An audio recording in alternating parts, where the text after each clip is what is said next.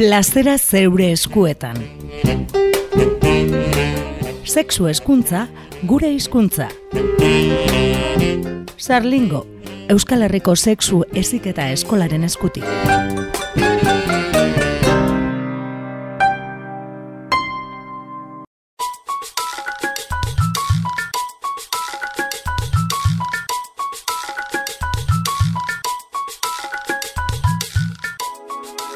Gaurko irrati tartean, plazera zeure eskuetan irrati tartean, fikziora joko dugu. Sexologia atalean, telezaimaten inguruan mintzatuko gara. Horretarako, amaia urrejola batu zaigu, sexologoa, haupa amaia. Haupa, ne. Bueno, eta azken, e, hilabeteetan asko itzegin den e, telezai baten inguruan mintzatuko gara gaurkoan.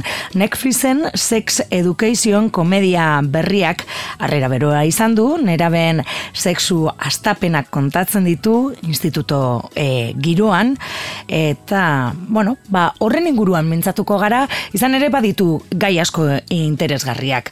Lehenek eta behin, bueno, ba, kokatu egingo dugu pizka bat e, telesaia eta onamen trailerra ezagutzen espadu zuen zule, ba, urbiltzeko. I've noticed you're pretending to masturbate, and I was wondering if you wanted to talk about it. Oh, I wish my mom was a sex guru. So, why don't you start by telling me your earliest memory of your scrotum? Trust me, you don't. You know I love you so bad. This is a new frontier, my sexually repressed friend. Our chance to finally move up the social food chain.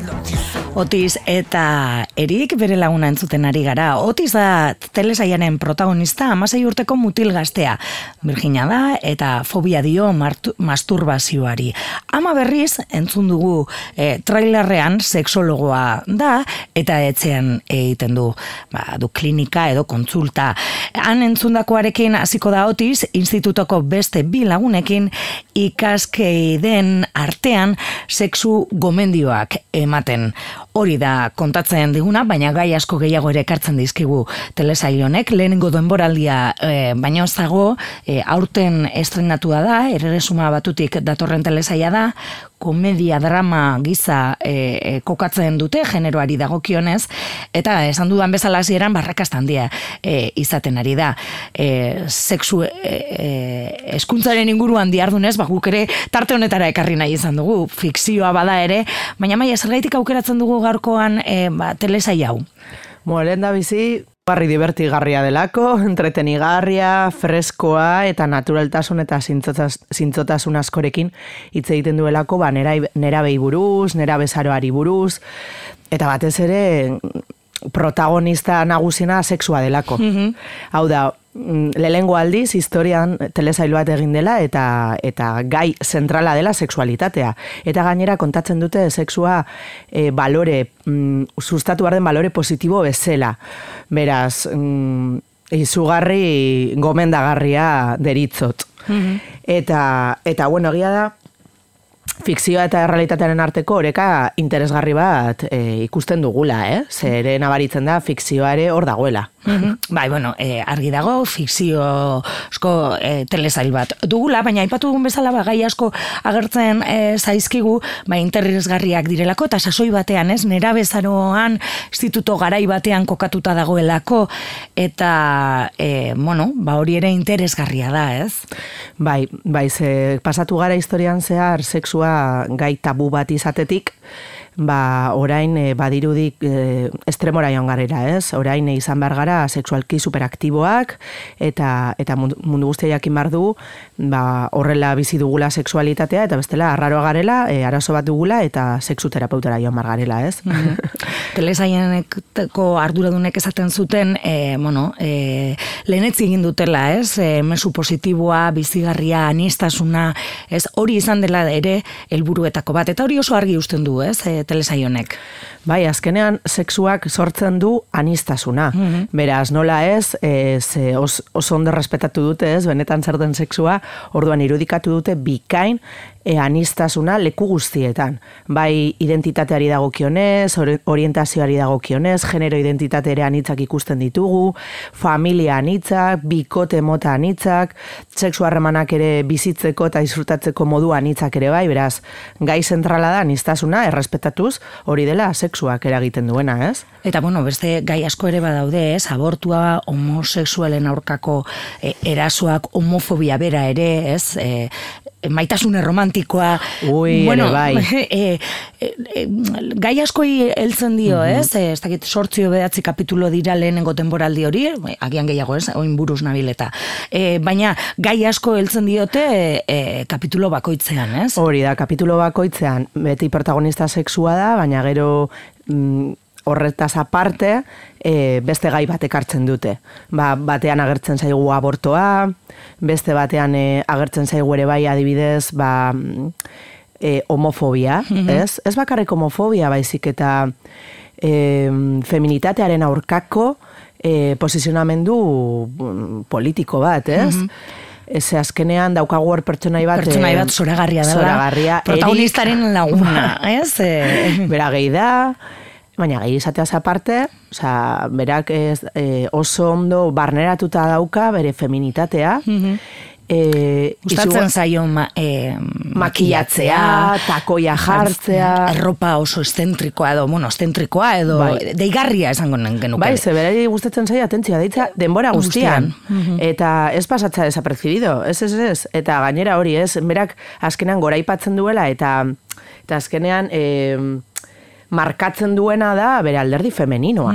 Eta, eta bueno, ba, badirudi mm, e, lehengo kapituloetan dela egoera ideal bat. E, Bai, ez? zoragarria da, baina, e, bueno, fikzioa denez zaten duzu zerbait gertatu beharko da, ez? Eta gertatzen da. Eta gertatzen da, ez? Bueno, egia dare bai, bueno, bere familian, bueno, kostatzen zaiela ulertzea eta onartzea nolakoa den, baina, bueno, gero institutuan dit, dauzka, bueno, dauka lagun bat oso ona dela otiz, gero besteekin ere bai, bueno, ez da guztiz onartua. Ze, baina hala ere ez ditu erasoak, sufritzen zuzenekoak. Bai zeharkakoak, baina ez zuzenekoak, baina bueno, heltzen da momentu batean, ba, zuzeneko eraso bat sufritzen duela kalean. Eta, bueno, ba, azkenean irudikatzen du e, telesaiak errealitatean ere existitzen dela, ez, izugalizko, ba, homofobia, eta nola oraindik ulertzen den, ba, gizonak ezin dutela feminitatea adierazi, ez da, ez da goraipatu, ez? Eta hor ere dago, bueno, e, papel bat oso interesgarria dela aitaren papera, ze aitak ez du tutik ere ulertzen, ez daki ez da nondi joan bere, bere semea, Bai, harriduraz begiratzen du, ez du, ez du, dio debekatzen ere ez, baina, bueno, Eta alduen bezala, naiz eta ez ulertu, apoiatzen du, babesten du, eta, eta bueno, azkenean, e, klar, eso, buelta ematen dio, telesaiak bikain, ez? E, egoera dramatiko bat, dela eraso bat sufritzen duela mutilak, erikek, ba, gero konturatzen da, ba, bueno, azkenean, mm, berdin duela mm, nola den, hau da den bezala, hau da, berak adierazten bada den bezala, edo izkutatzen badu duena, epaituko dutela berdin-berdin. Ordua merezi duela, ba, bueno, bere izatea den bezala, eta behintzat berak bere gorputzean askatasunez bizitzea, ez? Bere mutil izateko modu bakar eta repikazin hori. Eta aitak, ba, ba, ba, bueno, ba, apoiatzen du eta babesten du, beraz, jo, momentu hori eta kapitulo hori da bikaina. Bai, egia esan, e, bueno, e, asko, kapitulo asko daude, ez, ere e, aipagarriak izan daitezkela, baina e, beste protagonistetako bat, eta hor dago ere, ez, e, telesaiaren, ba, aria edo esango gendun, ama esango gendun, ez, eotizen ama seksologoa da, e, eta oso seksologo ez dakit irudi, oso... E, eta gite, irreala da hitza? Erabat irreala. irreala, ez. A ber, oso estereotipatua Patua da. dago, ez? Baina lehen aipatu dugun bezala, egia da produktu kulturaletan inoiz ez dituztela errepresentatzen psikologoak eta sexologoak modu errealista batean. Batez ere, emakumeak direnean. Hau da, hor ikusten dugu, bueno, izugarrizko estereotipoak, hau da, Badirudi, e, beti direla oso arrakastatsuak, e, mm, klase sozial e, altukoak, ez? E, bizi dira hor etxe bizitza e, zoragarri batean, testu inguru zoragarri batean, negozioa doa bikain, eta gero aparte, ba, karo, seksologoa denez, badirudi, ez, seksologoa basa izan bazera supermorbosoa, eta superedonikoa, eta, eta fen fatal bezala irudikatzen dut, ez Horrela gertzen zaigu eh, ama ere, ez? Orduan da, mm, kontraesenez beteriko pertsonai bat, Mm, egia da gero beba ikusten dela, ez? Ba, nola daukan bere semearekin, dauka harreman bat nahiko, bueno, estua, eta aldi berean pizkat perversoa ere bai, egia da e, heldutasun handiko harreman bat dela, izugarrizko konfiantza daukate, elkarrekiko gauzei buruz hitz egiteko, gauzei buruz, bueno, ez, e, elkar konpartitzeko, mea, klaro, gero ama ere bai ikusten da nola bizi den bere semearen bitartez. Bai, profesionalki eta baita emozionalki ere bai, ez? Eta bueno, ba, nola bait kastratzen duen e, eta eta izugarri kontrolatzen duela bere semea eta claro, ba azkenean honek e, bueno, ondorio batzuk ditu, ez? Zeotizek ba bizi du e, da, jakinduria, sexu jakinduria izugarria duela bere, bere amari esker eta aldi berean berak daukala izugarrizko blokeoa bere sexualitatearekin, bere gorputzarekin Hori oso argi geratzen da ere telesaian, ez? Plazerra sentitzeko eh, ez, ba, baimen falta, permiso hori, eta bueno, gero bai ikusten du, claro, eh, bera oso diferentea dela amarekin konparatuta. Bere erotikak ez dauka zer ikusirik amarenarekin. Eta bueno, ba hor sortzen den nolabait kontraesan hori, ez? Eta bueno, claro, gero a ber, egia da ama profesionala izateaz aparte, hau da, bere identitate bakarra ez dela seksologoa dela. Ere emakume bat da, ere. ama da, eta ere da bikote, ez? Hau da, eta ba, ligatzen duenean, eta eta egia da, pues, denok sartzen dugu lanka, naiz eta adituak izan sexuan, eta askotan enkasa derrero kutxio de palo, baina bera izan da aditua topo egitea, fontanero, bueno, fontanero erakargarri horrekin. Bai, bai, ez? bai. Bai, oso justo kasualidadea fontaneroa da. Bueno, ba, oso, Bai. oso, oso fikzioa. Bai, egia da, helburua estereotipo guztiekin apurtzea, Apurtzea. eta lortzen dute, baina aldi berean beste estereotipo batzuk irudikatzen dituzte, orduan, Bai. da, como, ene, osea, gauza batzuk bikain, da beste batzuk, jo, erortzen zan zarete betikoan. Bai. Hau da, badirudi ez, bera, emakumea da ditua, eta ala ere gizonak ematen dio lekzio bat.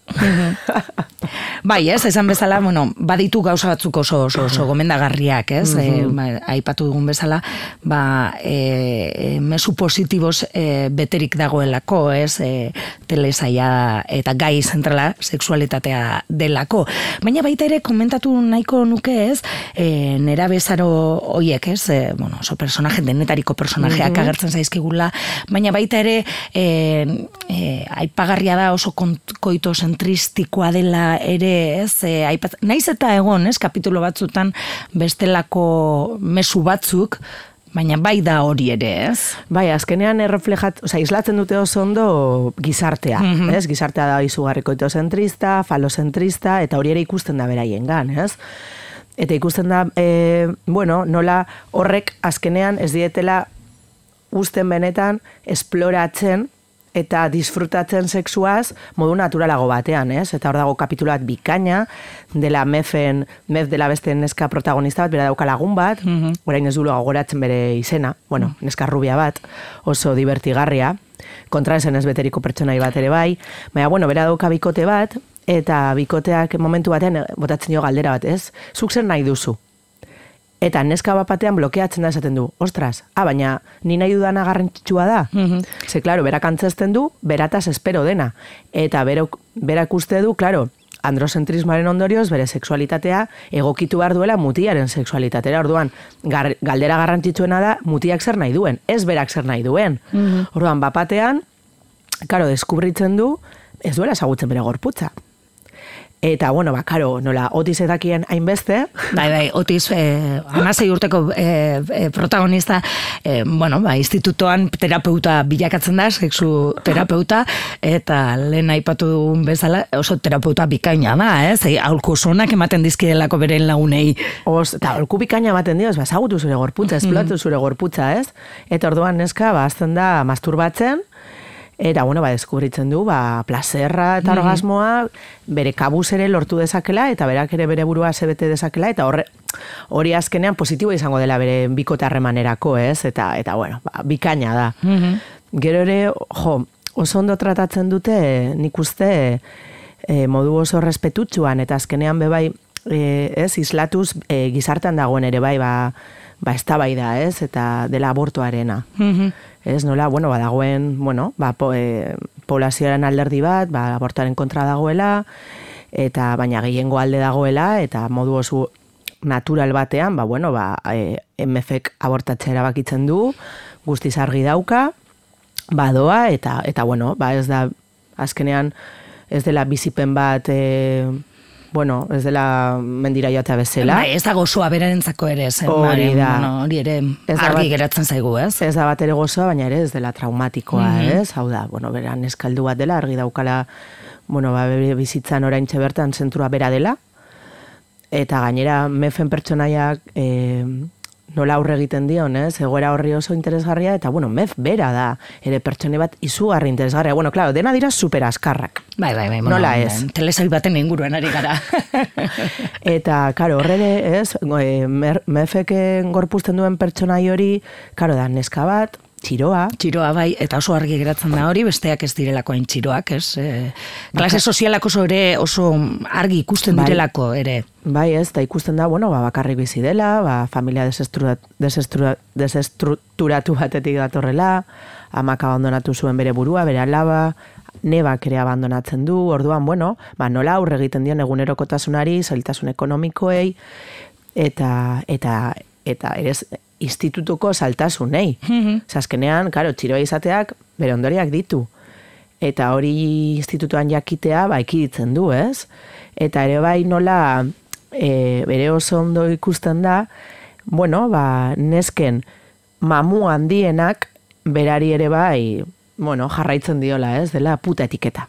Mhm, Bai, bai, bai, bai. Eta nola puta etiketak sortzen diren, besterik gabe neske izatagatik. Mhm. Mm Azkenean, e, erdi asmatzen dute historio bat, Gezurra. eh, Gezu, azken, azkenean gezurra dela, baina hortan oinarrituta, ba, azten dira, bueno, ba, mefen inguruan, ze mef, karo, da neska bat, bueno, ba, mm, i, i, pizka, esango nuke pizkat, bueno, ba, harremanetarako zailtasunak dituela, ez, azkenean da pizkat introvertida, ere bere burua zaintzeko modu bat da, mm, ere defendatzeko modu bat da, ez, besteak berari ez mina ez egiteko, ez azkenean asko sufritu du, Eta orduan berak egiten duena da, bueno, ba, bere modura, defendatzen du bere burua, baina inori azalpenik eman gabe, eta, bueno, ez du borrokatzen etiketa hori deseraikitzeko helburuarekin, baizik eta, ba, puta naiz eta arronago, ez?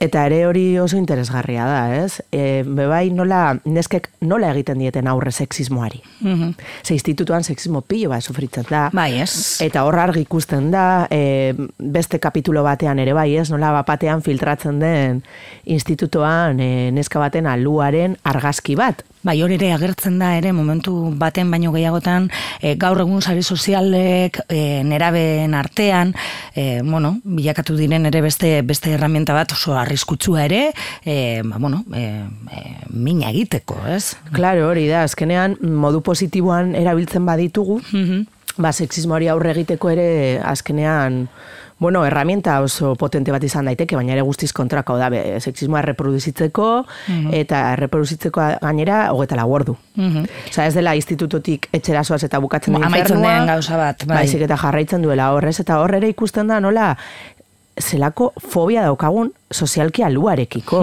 Zelako ez ezagupen izugarria, ze aluak ditu hileak, noski, zer ditu eskamak, ez hileak euki bar ditu, eta nola ere bai, ba, badirudi daukagula aluaren e, ez dakit, estereotipo bat. Ez? Badirudi dagoela alu bat, dela referentea, dela erakargarria, polita, osasuntxua, baina eske alu bakoitza da mundu bat. Ez, da nola baiak dituen, barruko Espainia diren kanpokoa baino handiagoak, eta, bueno, ba, nola kritikatzen den, eta barre egiten duten, baina nola ere buelta ematen dioten egora honi, ez? Kapitulo hori interesgarria da, ez? Fobia hori oso argi ikusten delako, baina gero ere bukaeran badu estena bat e, institutoko bons, e, gela nagusian edo zango mm -hmm. e, zuzendaria hitz egiten ari direl, dela, eta horrazten da e, bueno, emakume guztiek edo neska guztiek azten dira alu hori nirea da, nirea da, nirea da, nirea da, ez? Mm. Bai, mitu bat egiten bai. dute. E, bai, ez, e, sexismoari aurre egiteko. Hori da, Eta, eta elkarrekin egin bar dugula. Azkenean hori ez, nola neskak e, sororitatea praktikan jarri bar dugula, ze modu, osea, ez da arazo individual bat, da arazo kolektibo bat, orduan modu kolektiboan bakarrik aurre egin aldiogulak, eta hau konpontzeko modu bakarra da denon artean. Orduan neskak hor argi uzten dute, bueno, ba, elkarrekin daudela, ez?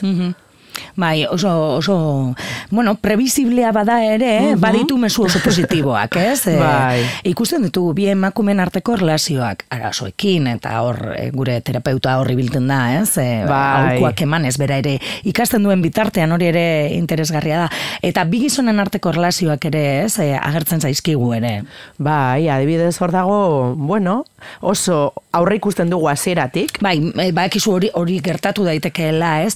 Eta, bueno, telesaietan adituak diren batzuk ere esaten dute telesaia ondo dagoela, baina oso e, previsiblea dela, baina, bueno, guk gaur hona ekarri dugu, ba, sexuaren inguruko hainbat mezu positibo ematen dituelako, eta horregaitik e, gomendatu nahi dugu entzulei, ez? Baina, bueno, gizakiak oso previsiblea gara, eta sexu eskuntzan jarduten dugunak ere bai, e, aurre ikusten ditugu egora pilo bat gero ematen direla, adibidez. Ikasle homofobenak, mutiak izaten direla, askotan gehiak dira. Mhm. Eta da, beraien, e, bueno,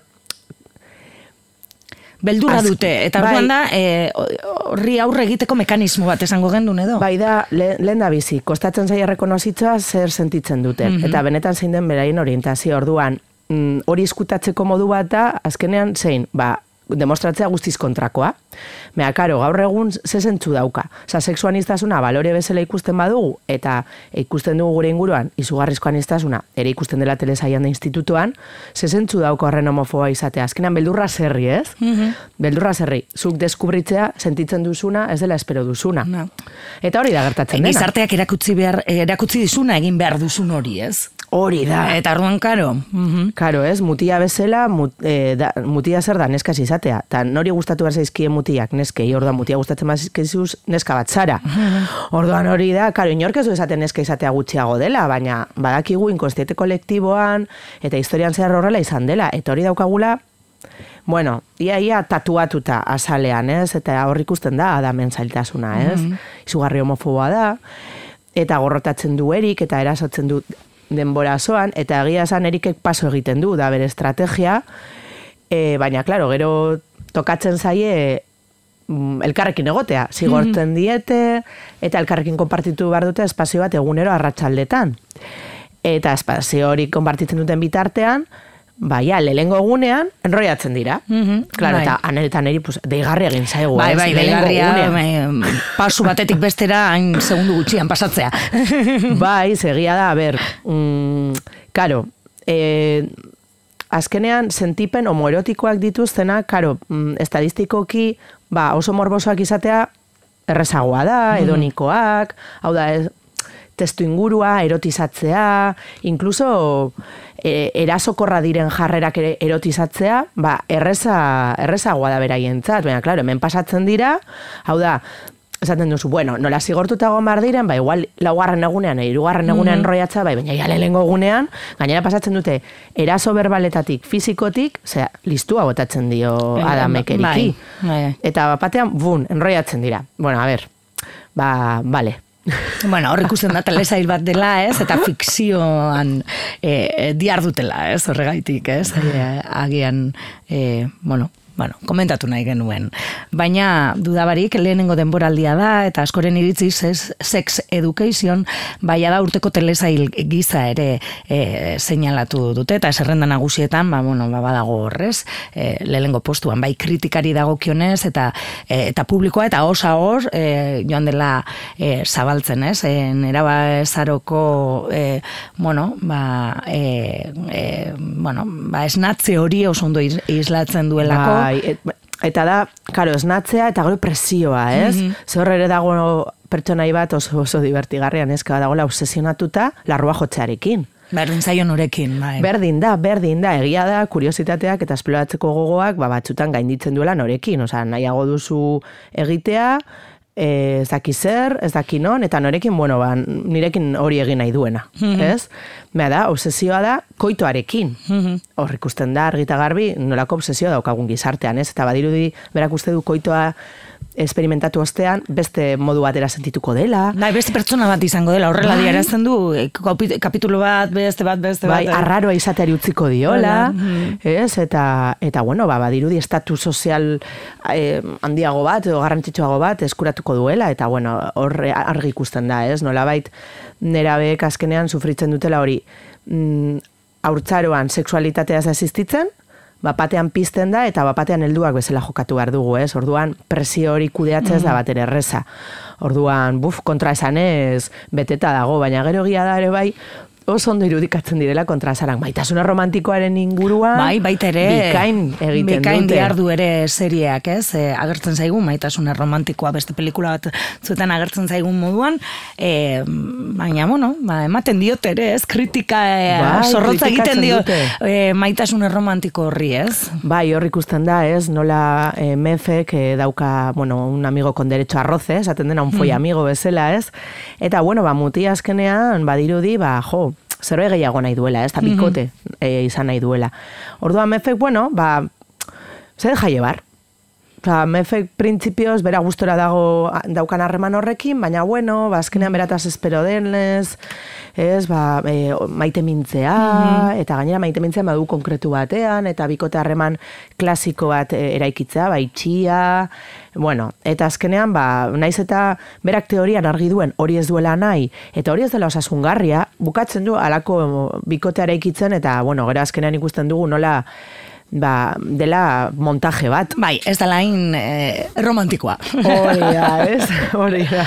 Era batean ezateko, ez? Baina horra oso argi izten digute, ez? E, maitasunen romantikoa zer den edo, ez? Nola eraiki den ere hori, fikzioaren bitartez eta pelikulen bitartez ere, ez? Bai. Eta gero ikuspuntu terapeutikotik ere izugarri gustatu zait, ze mm, oso ondo azaltzen duten nola, azkenean pertsona guztiok, e, sexualitatearen dimentsioan, edo erotikaren dimentsioan, momentu batzuetan edo bestan ataskatzen garela.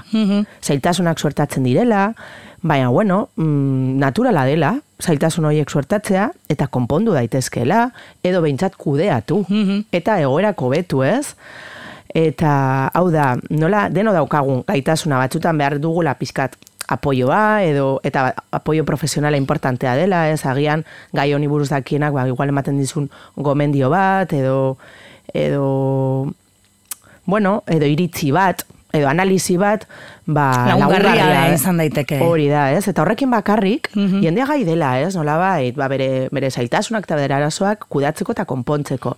Eta hori oso interesgarri iruditzen zaiz, bestela badirudi, em, arazoak sortatzen direnean erotikan, e, gaixotasun bihurtzen direla, disfuntzio eta i, eta medikaz, medikalizatzen hasten gara, ez? Eta ez dut ikusperri horrekin ere apurtzen duela, Bai, bai, bai, bai. Ez azkenean e, otizen e, hori, ba, lana hori da, ez? E, bueno, ba, holkatzea, baina ez ikusita arrisku bezala, gaixotasun bezala, disfuntzio bezala, baizik eta, bueno, bada, tasko bata, zailtasun bada, egon lasa, eta hau, eta hau. Orduan oso, oso interesgarri irutzen zait ikuspegi hori. Mhm.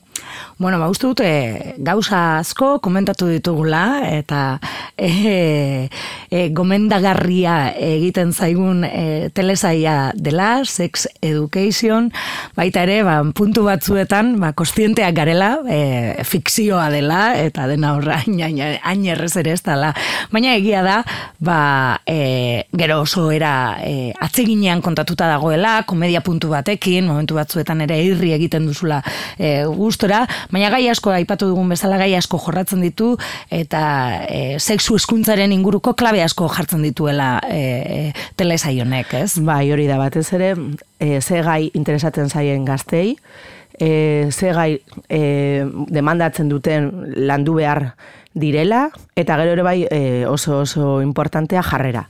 Ez, honekiko jarrera. Hau da, izan behar dela jarrera bat, ba, bueno, ba, sexua ikusten, ikustea balore, sustatu behar den balo- balore positibo bezala, eta ez, e, zaiestu eta prebenitu behar dugu arrisku gisa, eta naiz eta kontraesenez josita bizi garen, eta gure gizartea da kontraesankorra une oro, ba, bueno, ere eh, elkarri lagundu aldiegula, zeotizek ere dauka bere, bere blokeoa, eta ere, lagun, bai, laguntzeko gai da. dago, bai, bai, bai.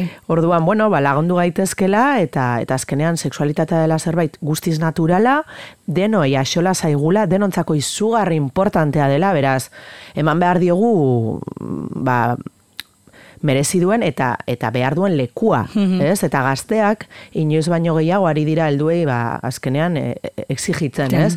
Kalea kalera ere atera dira. Gure nerabeak, gure bilboko nerabeak exigitzen eta eskatzen behingoz sexu eskuntza behar dugula. Dugula. Mhm. bueno, ba, mezu horrekin ere geratuko gara, eta e, aipatuko dugu, bentzuleari, gomendioa, ikus dezala seria, Bueno, asko, ikasi ere egingo duelako. Bai, bai. Eta, eta ondo pasatu ere, sex Bai. educationen inguruan hitz egin dugu gaur, e, plazera zeure eskuetan, irratitartean, amaia aurrejola, eskerrik asko, eta urrengor arte. Eskerrik asko zuri, agur. Agur. Plazera zeure eskuetan. Sexu eskuntza, gure hizkuntza. Sarlingo, Euskal Herriko sexu eziketa eskolaren eskutik.